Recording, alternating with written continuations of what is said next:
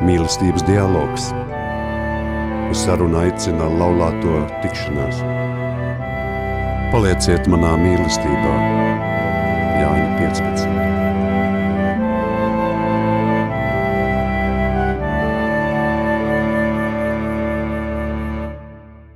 Kristus ir augšām cēlies. Patiesi augšām cēlēs. Šajā lieldienu vakarā ar jums kopā atkal ir uh, apvienības laulāto tikšanās raidījums mīlestības dialogs, un mēs, Edgars un Sigita. Mēs turpinam sarunāties par dialogu lomu un kā tas var palīdzēt uzlabot mūsu laulības dzīves kvalitāti un kontaktēties ar apkārtējo pasauli. Šajā lieldienu vakarā gan mēs uz sarunu aicinājām priesteri Juriju Alīnski, lai, iz, lai tiktu skaidrībā, kāda ir baznīcas nostāja, skatījums un atziņas par laulību.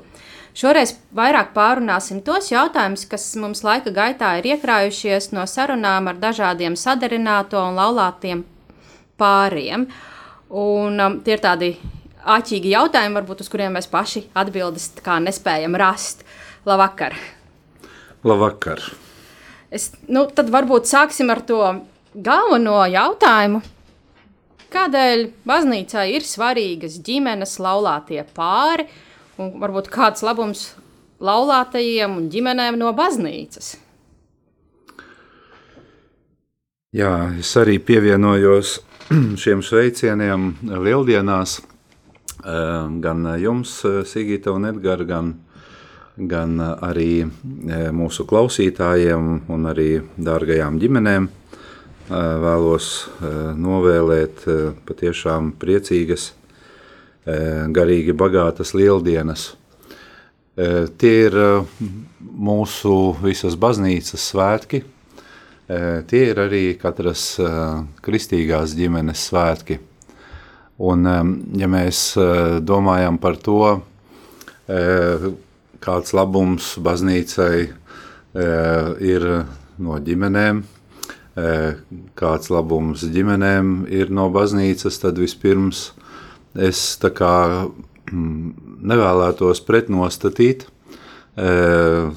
ģimeni un baznīcu, jo patiesībā jau mēs visi esam kā viena baznīca. Nebūtu pareizi, ja mēs tā paraudzītos kā mēs un jūs, e, vai jūs un mēs, bet, e, bet saskatītu to, ka e, mēs visi, ticīgie cilvēki, gan garīdznieki, gan ģimenes, gan katrs ticīgais cilvēks, visi kopā veidojam, veidojam vienu baznīcu, veidojam vienu ģimeni. Un tāpat kā ģimenē, tā arī baznīcā katram no mums ir īpaša neaizvietojama loma. Savukārt jau šo jautājumu mēs paskatāmies tā mazliet detalizētāk, kā mēdz teikt, tādā hierarhiskā skatījumā, kur garīdzniekiem ir savs aicinājums un ģimenēm ir savs aicinājums, tad arī šeit ļoti svarīgi ir pateikt, ka arī katrs no šiem aicinājumiem neatrodas viens pret otru tādā opozīcijā, bet gan šie abi aicinājumi viens otru papildina. Kāpēc papildina? Tāpēc, ka gan aicinājums uz garīdzniecību, gan arī aicinājums uz ģimenes dzīvi, tas ir aicinājums mīlēt un pilnībā veltīt sevi otram. Un tā ir tāda tā kā pamatplatforma, mums visiem, kā kristiešiem, un pēc tam jau kā garīdzniekiem, vai kā ģimenēm, vai kā laulātajiem. Un baznīca ļoti labi apzinās, ka tās nākotne vienmēr ir saistīta ar ģimenēm. Un ik viens ģimenes loceklis ir svarīgs, un kā apustulis Pāvils baznīcu salīdzina ar ķermeņa locekļiem, tāpat mēs varam arī teikt, ka, ka baznīca sastāv no, no ģimenēm, no atsevišķām ģimenēm. Dažas ir kuplas ar daudziem ticīgajiem, dažas varbūt tikai ģimenes tiek pārstāvētas no kāda viena atsevišķa cilvēka. Kā nu tas mēdz būt, bet vienalga šie visi cilvēki, kas ierodas baznīcā, tie pieder kādai ģimenei. Un, līdz ar to tādā veidā veidojas arī visa baznīca, visa lielā ģimene. Ko baznīca varbūt sagaida no šīm ģimenēm, varbūt tās, ko viņas var piedāvāt, ko viņa var piedāvāt ģimenēm. Jo nu, mūsdienās cilvēki ir tādi, nu, viņi kaut ko meklē savu, kādu savu labumu. Un, un tad tas vīrietis varbūt pasaka, nu, tu vari tur iet uz to misiju, labākajā gadījumā atļauj sievai iet uz baznīcu. Bet nu, man tur nav interesanti, ko es tur darīšu. Tur tikai vienas sievietes sēž. Tā pamatā raugoties uh, uz to, ko baznīca gaida no ģimenēm, un es domāju, ka tas ļoti arī uh, atbilst arī katras ģimenes sūtībai un aicinājumam. Vispirms jau uh, ir tas, lai ģimenes būtu vienotas, lai tās būtu stabilas. Ja ģimenē starp vīru un sievu un arī pārējiem ģimenes locekļiem veidojas harmoniskas attiecības, kas ir balstītas uz savstarpēju mīlestību, cieņu. E, un, e, ja šajā arī ģimenē e, vairāk vai mazāk, varbūt reizēm tikai caur kādu vienu cilvēku, tiek uzturēta arī ticības dzīve, tad jau baznīca priecājas, ka ir šādas ģimenes, Pirmkārt, jau kā jau minēju, ka šajās ģimenēs ir tāda savstarpējā, apusējā starp laulātajiem mīlestība, un ka viņi, viņi dzīvo šajā vienotībā, jo, jo tad uz šīs bāzes var veidot arī cilvēks tālāk savu dzīvi, tad uz šīs bāzes labumu gūst ik viens ģimenes loceklis, sākot jau ar bērniem, ja tādi ir šajā ģimenē, un arī visi apkārtējie, apkārtējie tuvinieki, radi. Un, ja tā var teikt, baznīca priecājas un, un ar šādu prieku raugās uz šādām stabilām ģimenēm, vienotām ģimenēm, Un reizē arī, protams, baznīca cieš, e, ja šajās ģimenēs e, pietrūks šīs vienotības, pietrūks savstarpējās mīlestības. Tā ir tāda, zināmā veidā, tāda neredzama miedarbība. E, tas, kas notiek katrā ģimenē, tas agrāk vai vēlāk, vairāk vai mazāk pēc tam atspoguļojas arī baznīcas dzīvēm. Un mēs visi ļoti labi zinām, ka, ja piemēram bērni nāk no ģimenes, kurā valda šī savstarpējā saskaņa, kurā valda savstarpējā cieņa vienam pret otru, mīlestība, un turklāt arī, ja šī ģimene ir ticīga, tad jau pats par sevi tā ir tāda dabiska vide, kurā dzimst jauni jauni baznīcas locekļi. Jā, bet es arī vēlos arī paplašināt šo jēdzienu. Tas, ka, ko iegūs šāda stabila, vienota ģimene, tas pēc tam ir liels iegūms arī, arī, arī plašākai radu saimei, mūsu draugiem, ar kuriem mēs satiekamies, un visbeidzot arī visai sabiedrībai. Tā kā uh, Tā ka šeit ir, ir tikai, tikai iegūms. Bet kas attiecas uz eh, katra ģimenes locekļa eh, šādu varbūt eh, skatījumu uz ticības lietām, cik nu kurš to spēj, cik nu kurš to saprot, ir pieņēmis, tad šajos jautājumos, protams, ir ļoti skaisti, ka arī ticības jautājums ģimenes locekļus savstarpēji vieno. Bet, eh, protams, ka mums ir arī jā, jārespektē eh, katra ģimenes locekļa, katra indivīda šis ticības ceļš. Jo, eh, lai gan ģimenes locekļi ir savstarpēji ar šīm ģimenes saitēm vienoti, bet ticības ceļš tomēr lielā mērā katram cilvēkam ir jānoiet pašam. Un tāpēc arī ir jārespektē katra cilvēka šī ticības ceļa autonomija. Un, ja nu gadījumā kāds no ģimenes locekļiem ir vairāk ticīgs, varbūt tieši arī tādā veidā praktizē, apmeklējot baznīcu, un tā tad noteikti, noteikti nu, tam, kurš šajā lietā varbūt vairāk ir pieredzējis, viņam noteikti ar lielāku tādu mīlestību, ar lielāku toleranci, ar lielāku izpratni ir, ir jāuzlūko arī pārējie ģimenes locekļi. Es pat teiktu, ka mm, šim cilvēkam tas nav, protams, viņam jāafišē, vienmēr to atgādinot visiem ģimenes locekļiem, bet kādreiz varbūt arī ir vērts arī viņiem pateikt, ka, ziniet, es jūs tā kā aicinu atnākt man līdzi uz baznīcu, bet ja gadījumā jūs pašreiz tā kā neesat tam gatavi, tad ziniet, ka es uz baznīcu eju gan savā, gan arī jūsu vietā. Jā, lai, lai viņi arī to zina, ka es pārstāvēšu jūs tur Dieva priekšā. Tā mēs redzam arī no Bībeles ļoti, ļoti bieži, kur, kur citu cilvēku vajadzības, citu cilvēku lūkšanas, kāds viens cilvēks noliek Dieva priekšā, noliek Jēzus priekšā, Mēdz būt cilvēki, kuri paši vēl to nespēja. Bet arī, protams, kā mēs zinām, ka arī tādas varbūt ticības izpausmes formas arī ģimenē var būt dažādas.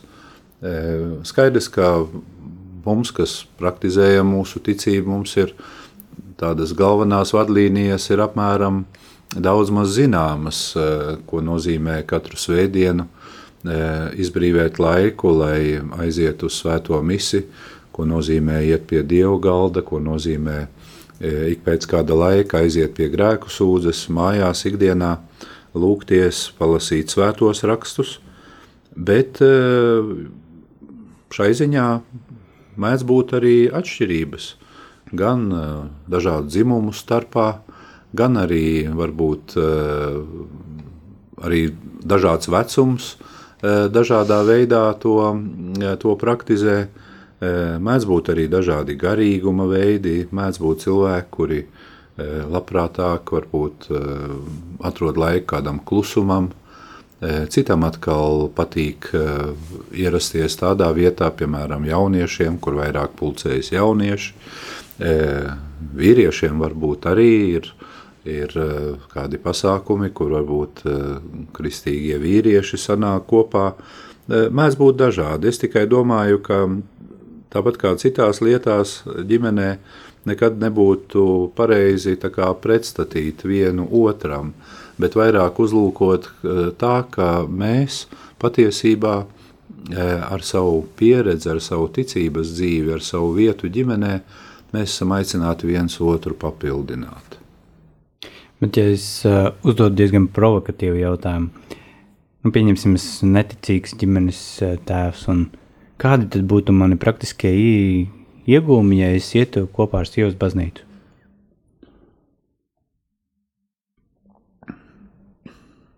Es domāju, ka iegūmi noteikti būtu vairāki.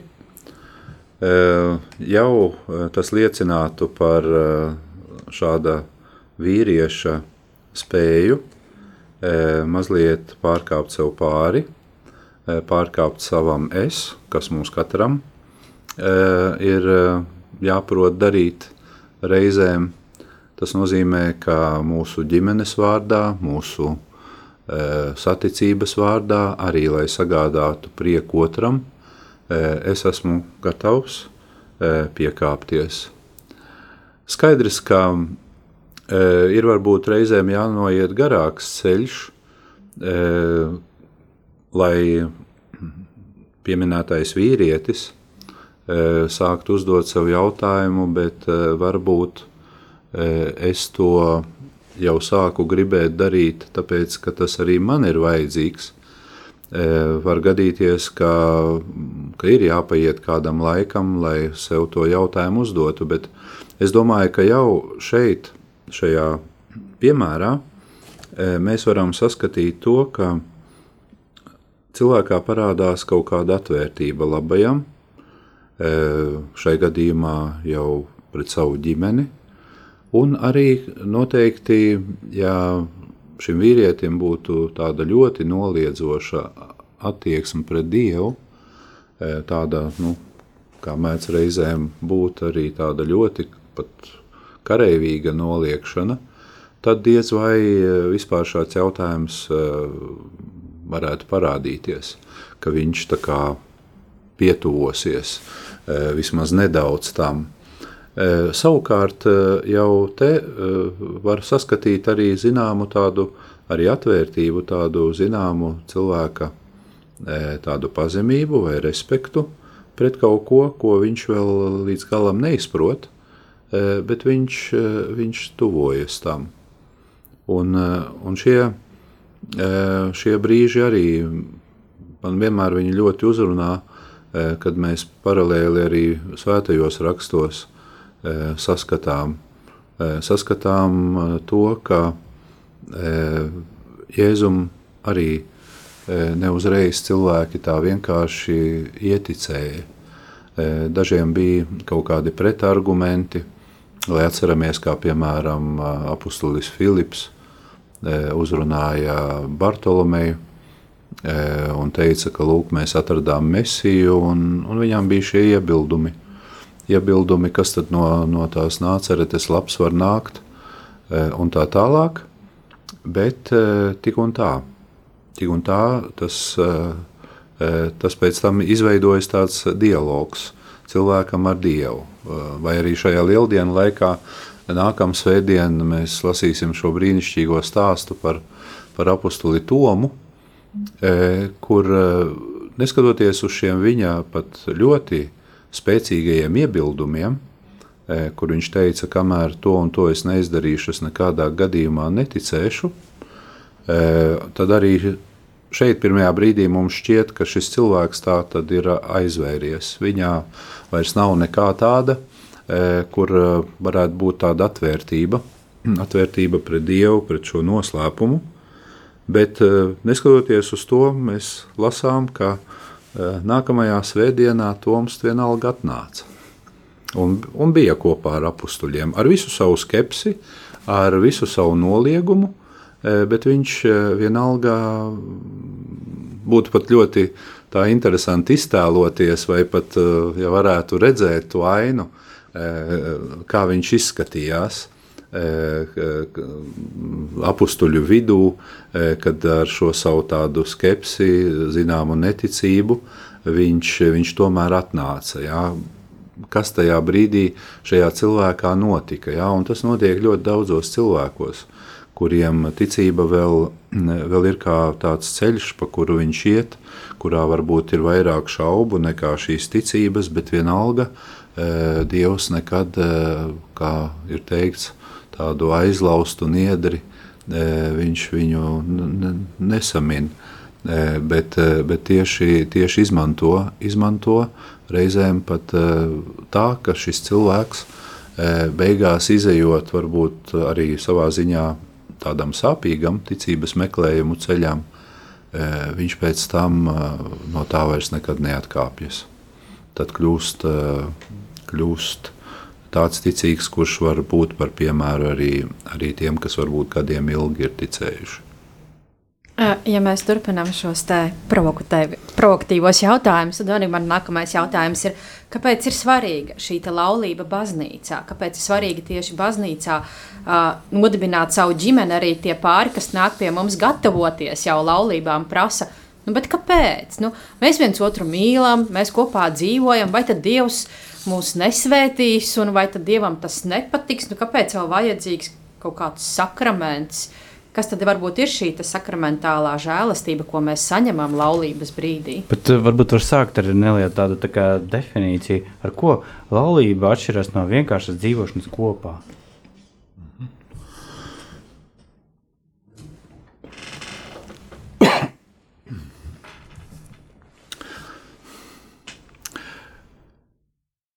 Nu, jautājums ir ir diezgan sarežģīts, jo, jo visi šie jautājumi nav vienkārši, un to mēs redzam arī šodienas sabiedrībā.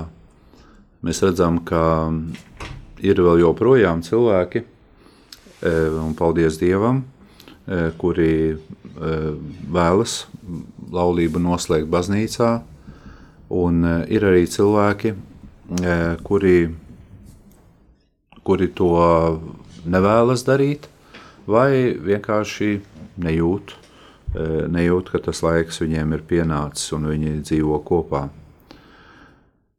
Iemesli, es domāju, ir, ir ļoti tādi varbūt dziļi, ar kuriem saskarās šodienas sabiedrība. Es domāju, sevišķi, ja mēs runājam par, par Latvijas un vispār rietumu sabiedrību.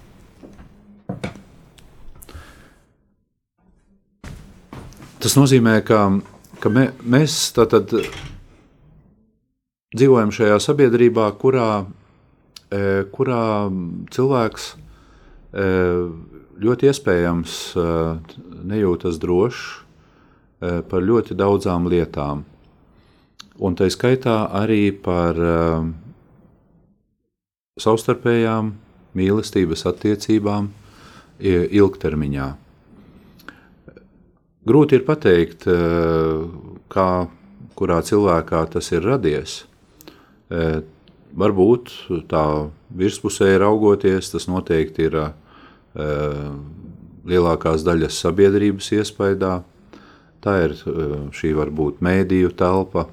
Es domāju par, par kino, par žurnāliem, par grāmatām, kurās mēs redzam, kā sabiedrībā zināmi, pazīstami cilvēki.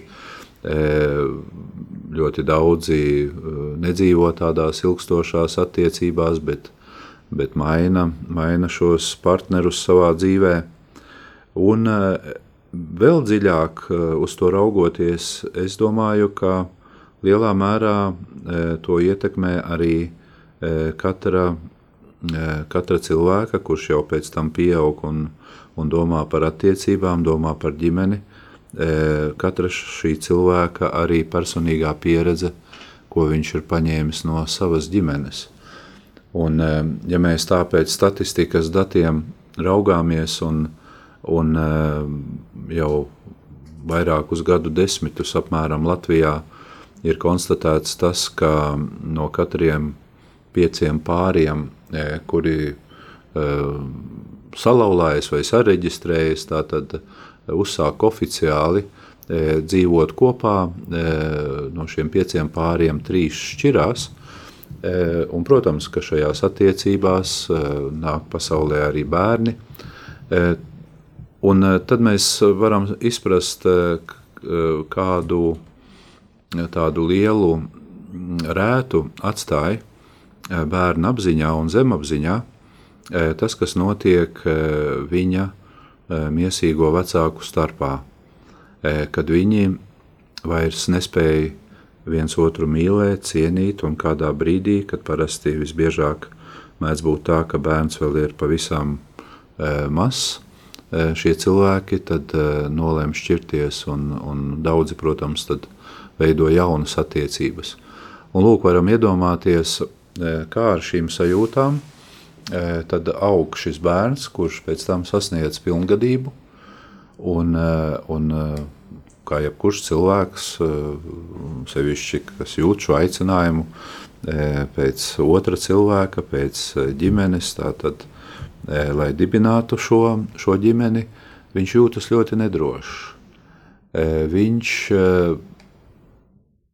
baidās atkārtot to pašu, ko viņš pieredzēja savā ģimenē, vai arī ne savā ģimenē, bet varbūt ļoti tuvu cilvēku vidū, varbūt tur tantes vai onkuļi vai, vai, vai citi kaut kādi ģimenes draugi un tā tālāk.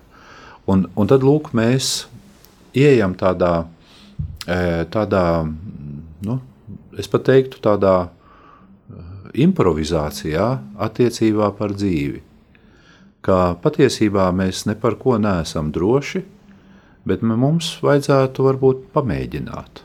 Mums vajadzētu mazliet improvizēt.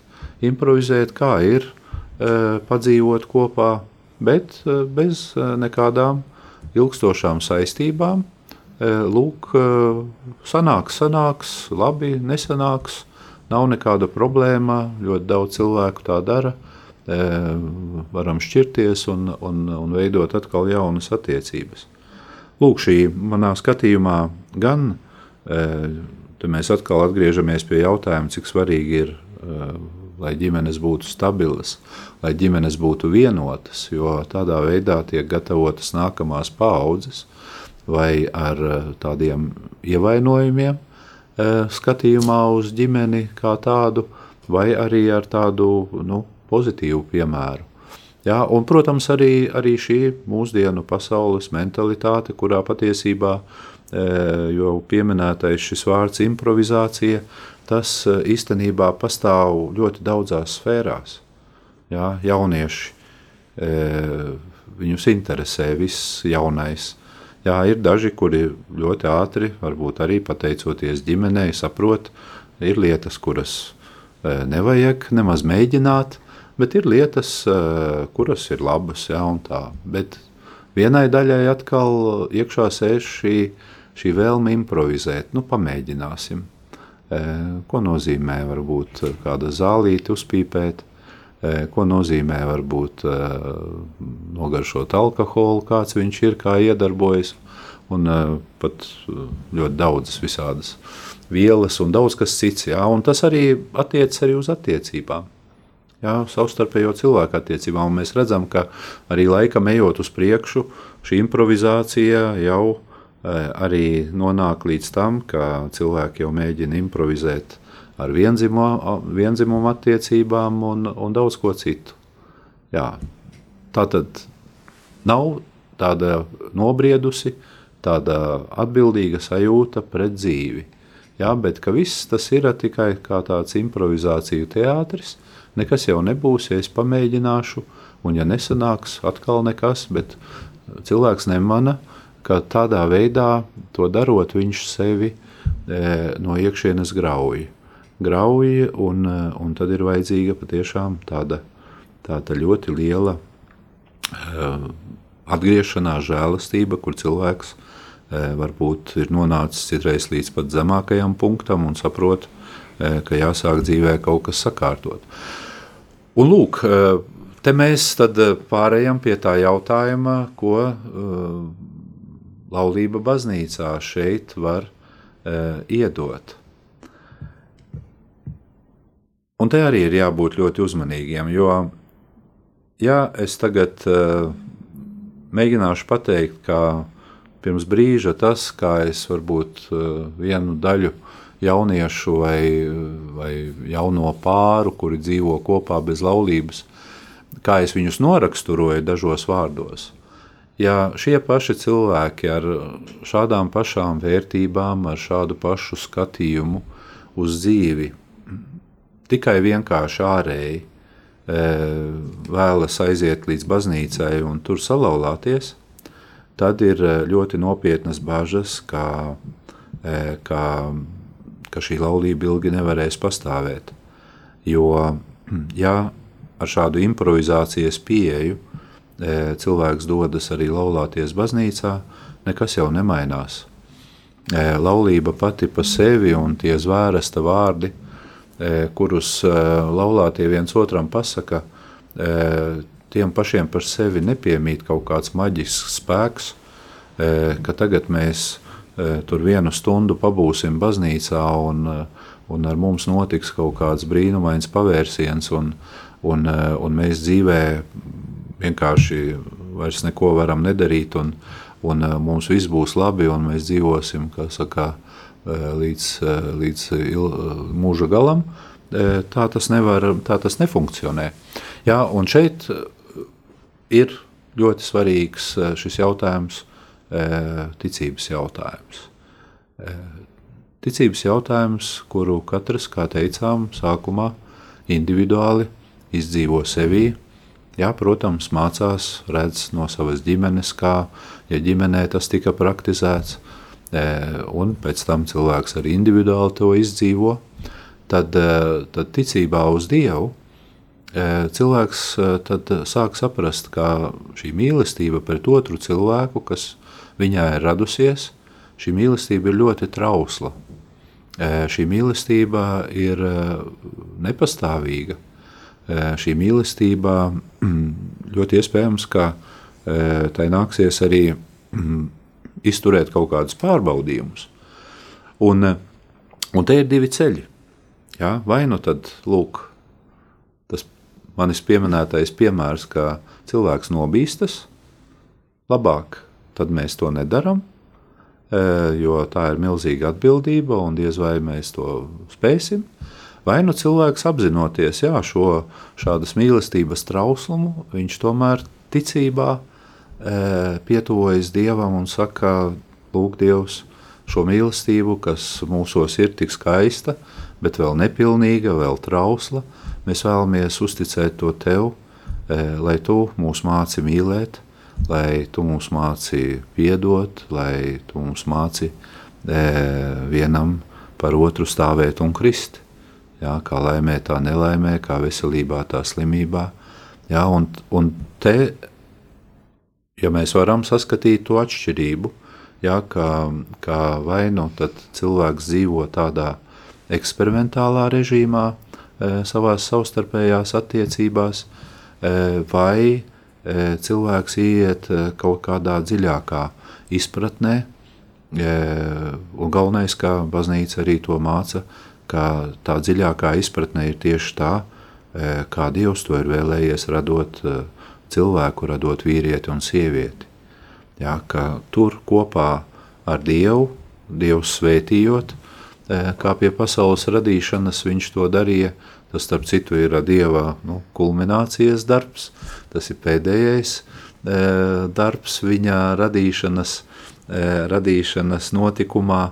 Un, un te vēl interesanti ir uzsvērt, ka arī Jēzus pirmais darbs, tas tāds neparastais brīnums, ko viņš veids atnākot, ir arī tieši saistīts arī, arī, arī ar laulību. Tā kā, ja tā var teikt, tā, pāri, tā ir notiek šī pārēja Jā, Dievs pabeidz savu darbu, radot vīrieti un sievieti, un, un pēc tam Jēzus atnākot pirmām kārtām vēršas pie ģimenes, lai tad ģimeni no jauna padarītu skaistu pēc Dieva attēlu un līdzības. Tā kā, tā kā lūk, ir, ir manā skatījumā vajadzīga šī uh, šī ticības pieeja, šī ticības vērtība, kuru, kuru cilvēkiem vajag, vajag atklāt. Bez ticības šis laulības sakraments, manā skatījumā, viņš, viņš, viņš ir tikai, tikai ārēja ceremonija.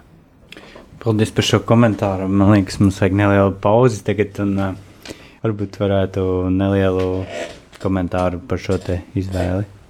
Jā, šī dziesma, e, kā ļoti daudzas e, Sintīs gravas dziesmas, e, man ļoti patīk. Un patīk tieši šo vārdu dēļ. Protams, arī melodija ir brīnišķīga un Sintīs balss ir skaista. Bet šie vārdi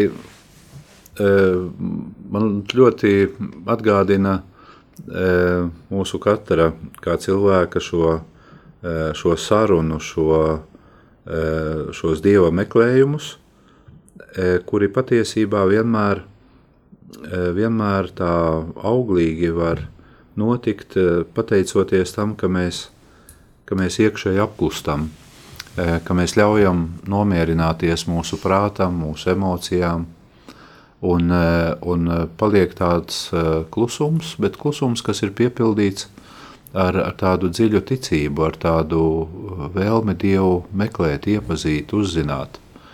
Un uh, šo dziesmu es arī izvēlējos arī mūsu sarunas kontekstā, tāpēc, ka uh, mēs laulāto tikšanās kustībā ļoti lielu akcentu liekam uz vīra un sievas, uz laulāto savstarpējo dialogu. Un patiesībā arī līdzīgi kā dialogā ar Dievu, arī e, vīra un sievas attiecībās ir ļoti svarīgi katram, kurš tad vēlas ar otru sarunāties, ir ļoti svarīgi vispirms apklust, nomierināties un paraudzīties uz otru ar tādu cieņas, mīlestības skatu. Un, un tad mēs noteikti varam kaut ko ļoti svarīgu sadzirdēt un ļoti arī daudz varam no šī dialoga saprast.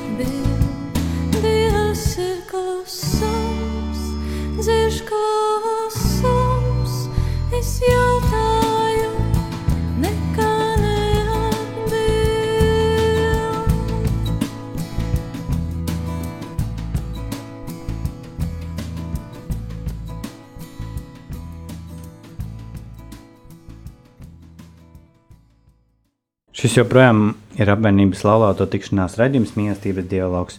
Un uh, ar jums kopā esam mēs, Edgars un Sigita. Šovakar kopā ar mums ir uh, priesteris Juris Jelinskis, un mēs turpinām runāties par laulību baznīcas skatījumā. Uh, mēs uh, pirms dziesmas runājām par to, kādēļ ir nepieciešams laulāties baznīcā, bet nu, ir tā, ka ne visas laulības ir stipras laulības. Uh, Varbūt tā mēs ieejam tajā laulības dzīvē ar šo nepareizo uzstādījumu, un um, tā laulība sāk klibot, un, un dažreiz viņa sāk klibot ļoti, un, un sākas visādas problēmas. Un vienā brīdī laulātie saprot, ka viņi vairs nespēja viens otru izturēt, nespēja kopā sadzīvot. Tad varbūt kas ir tās lietas, ko baznīca var piedāvāt laulātajiem šajos brīžos, kad jau ir tā krīze, kad, kad viņi saka, ka visi viņi iet katrs uz savu pusi. Nu, ja viņi vispār uh, sāk meklēt šo palīdzību baznīcā, ja viņi vienkārši neaiziet un neizšķirās valsts priekšā. Nu jā, es varu pateikt, eh, kāda ir baznīcas nostāja šajos jautājumos, jā. ja tā var teikt, tāda nu, oficiāla, vai, vai, ja mēs vēlamies to uzlūkot kā, kā tādas vadlīnijas. Mhm. Protams, beigās pats cilvēks būs tas, kurš pieņems lēmumu, bet ir labi, ka šai ziņā šodienas cilvēki, kuri ļoti bieži jūtas tā pietiekoši informēti, bet tomēr arī ne visa informācija viņiem ir, Eh, ko piemēram tādā reizē baznīca var piedāvāt. Eh, mēdz būt gadījumi, kuri eh, padara neiespējamu kopā būšanu vismaz tuvākajā laikā. Un šeit mēs varam jau pieminēt kaut kādus ļoti, varbūt pat nu, traģiskus notikumus eh, laulāto savstarpējās attiecībās, kur, kur ir pamanāma kaut kāda vardarbība, eh, kur eh, no tā cieš fiziski vai morāli ļoti spēcīgi cieš ģimenes locekļi. Vai arī šie abi cilvēki patiešām nu, neatrod vairs kopīgo valodu un, un, un nespēja nespēja uh, dzīvot, dzīvot kopā. Tādā reizē vispirms tad, uh, šeit ir svarīgi uh, atcerēties, ka baznīcas arī likumdošanā ir paredzēta tāda lieta kā uh, separācija. Tas nozīmē, ka uz kādu laiku, uh, tad, kad uh, apstākļi to pieprasa, eh, laulātie var viens no otra padzīvot nošķirti, padzīvot atsevišķi. Kāpēc tas ir domāts, kāpēc tas ir vajadzīgs?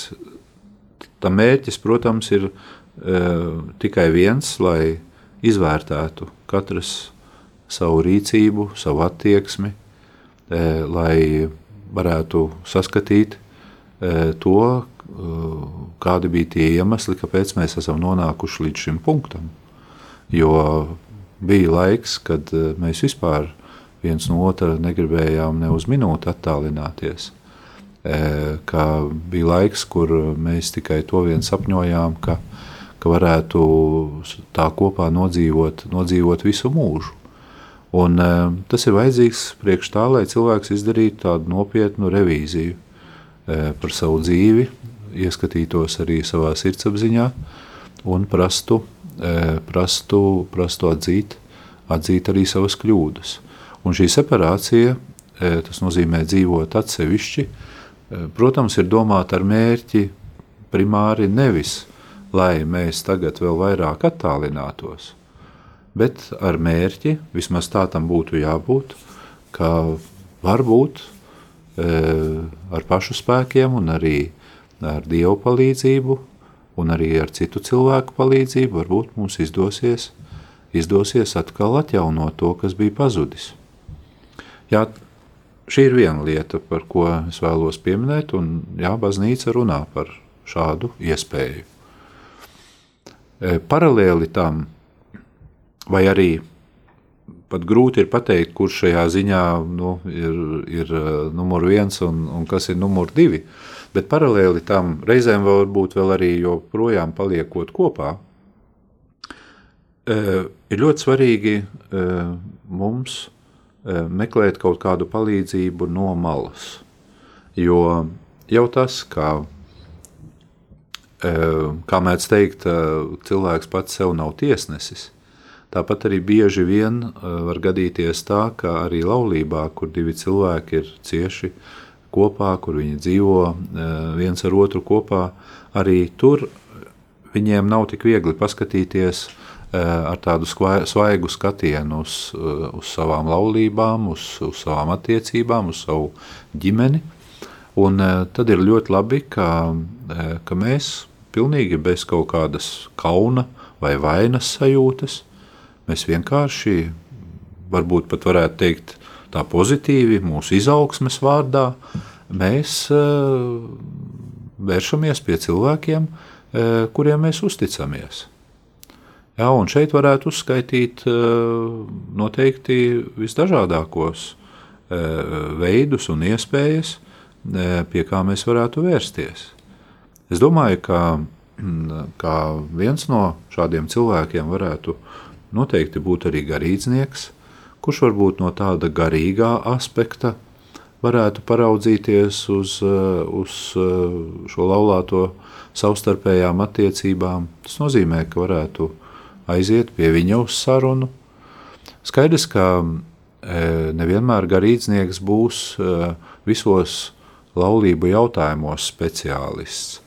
E, nevienmēr viņš būs varbūt psiholoģijā zinošs, jo mēdz būt gadījumi, kuros ir vajadzīga arī šo speciālistu palīdzība un konsultācija, un mēs zinām, kad ir ģimenes psihologi un, un vispār šī zinātne ļoti daudz var palīdzēt. Protams, kā vēlams, lai, lai šī zinātne balstītos un arī būtu arī nebūtu pretrunā ar kristīgo antropoloģiju, kristīgo skatījumu par cilvēku un arī par cilvēku savstarpējām attiecībām, jo ir nācies reizēm dzirdēt padomus, kuri nu, neatbilst kaut kādām kristīgām vērtībām, kurus, kurus viens otrs psihologs e, ir ieteicis. Bet šai ziņā es ne, nekādā ziņā nevēlos kritizēt psiholoģiju kā tādu, bet e, šeit arī ir ļoti svarīgi atrast, atrast atbilstošus, ja cilvēki ir ticīgi, arī, arī kristīgus psihologus, un tādus, tādus arī pie mums Latvijā var atrast. Mēdz būt gadījumi, kur varbūt eh, runa ir par kaut kādām atkarībām, tad eh, lūk, arī šeit ir eh, vērts darīt visu, lai arī šajos jautājumos vērstos pie speciālistiem, kuri vienkārši palīdz pārvarēt to šķērsli, kāpēc mēs nevaram vairāk kopā būt. Jo jo tas eh, kaitē mūsu attiecībām, kaitē, kaitē veselībai, kaitē varbūt reizēm dzīvībai. Un, protams, pie vēl tā garīgā, eh, garīgajiem risinājumiem, eh, es domāju, arī ir ļoti svarīgi gan individuāli katram, gan arī kā ģimenei, kā kopā kā tādai arī paraudzīties, paraudzīties arī uz, uz tādu lietu kā rekolekcijas. Jo, saprotiet, ja šie abi cilvēki apzinās, ka, nu, kā Galilejas kānā, nu, mums, e, mums, kā Marija saka, viņiem nav vairs vīna, mums nav vairs vīna. E, kaut kas ar mums ir noticis. Ja, un, un ja cilvēki ar tādu e, drosmi un, un atbildību par savu laulību, par savu dzīvi, paraugās uz to visu un, un vēlas to atrisināt, lai, lai to sakārtotu. Un sevišķi, ja, ja meklē, meklē dievu palīdzību un, un dievu padomu tādās reizēs, tad šāds risinājums noteikti nāks. Nu, manā skatījumā, lūk, tie ir, tie ir tādi divi, divi iespējamie veidi, varbūt Eh, jums, Sigita un Edgars, ir arī pieredze, arī strādājot ar laulātajiem.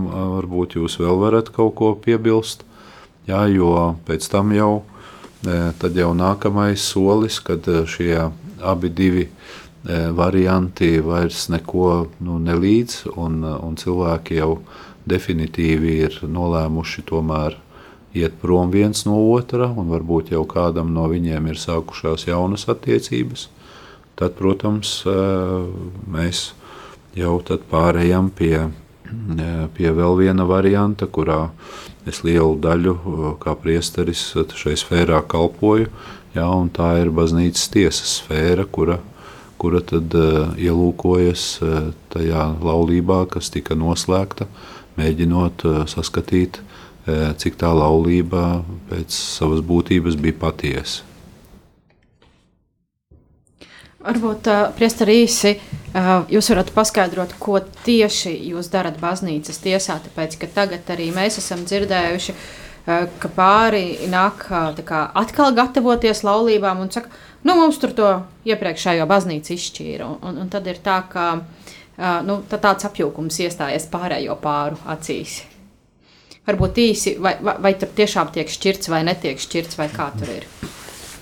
Jā, nu, uh, šis jautājums prasa diezgan uh, garu laiku, lai visu to izskaidrotu. Bet uh, šeit, protams, ir tā terminoloģijas problēma, jo, jo mēs to nesakām, ka, ka baznīca šķir laulību, bet izpētot katras laulības būtību, kā cilvēki ar kādu apziņu, ar kādu gribu ar kādām dotībām, kvalitātēm devās šai laulībā, gan fiziskām, gan, gan psiholoģiskām, gan emocionālām un arī ticības e, dotībām. E,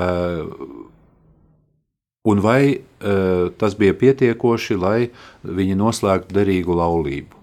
Ja, ja gadījumā tiesa izpētot šo laulību padziļinātā veidā saskata kādu nopietnu defektu, kurš jau bija klātesošs, uz laulības noslēgšanas brīdi, tad šādu laulību e, iespējams var pasludināt par spēkā nēsošu, ka viņa bija nederīga. Un, e, tāpēc mēs nesakām, ka jā, kaut kādā vienkāršā valodā var teikt, ka viņi e, tika izšķirti, bet pēc būtības un arī juridiskā terminoloģija šeit tiek lietota tieši vārdā kā laulība tika pasludināta kā nēsoša, ka viņa pašā saknē tomēr nebija Dievu priekšā noslēgta, tāpēc, ka tur bija klātesošs nopietnas defekts.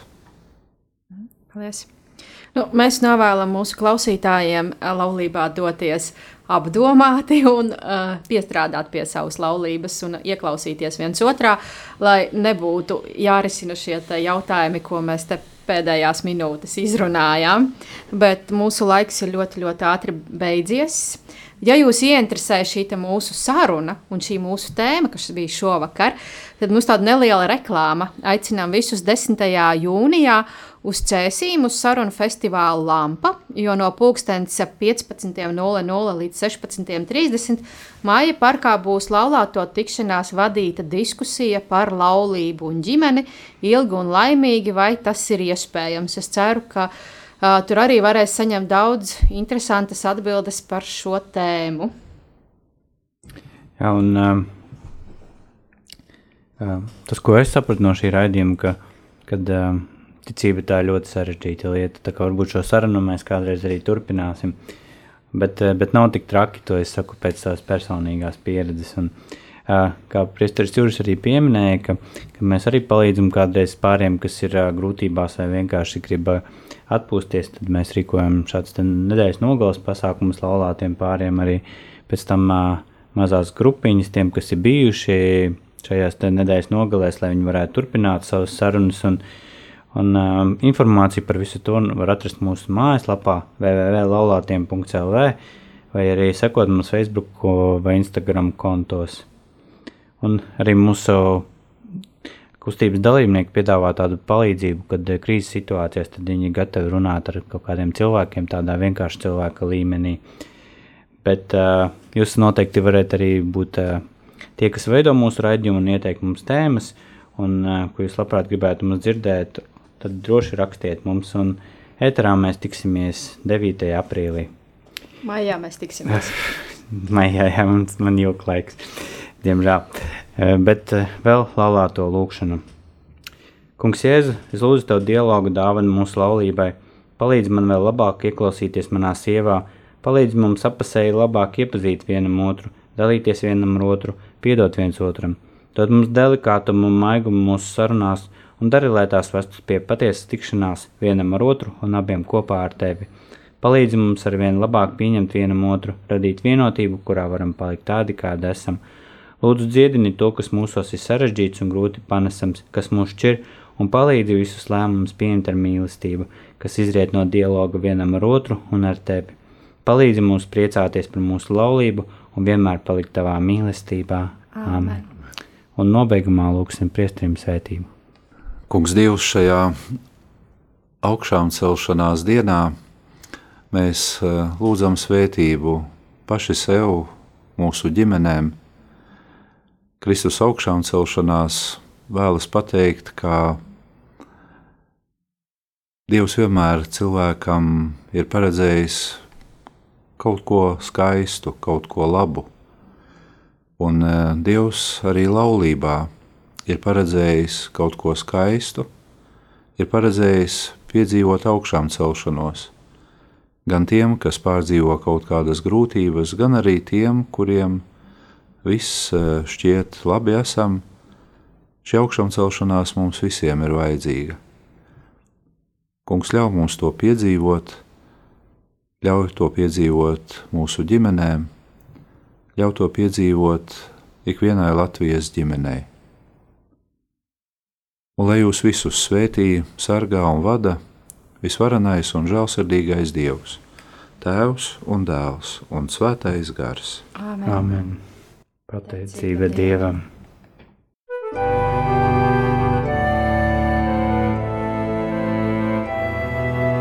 Mīlestības dialogs.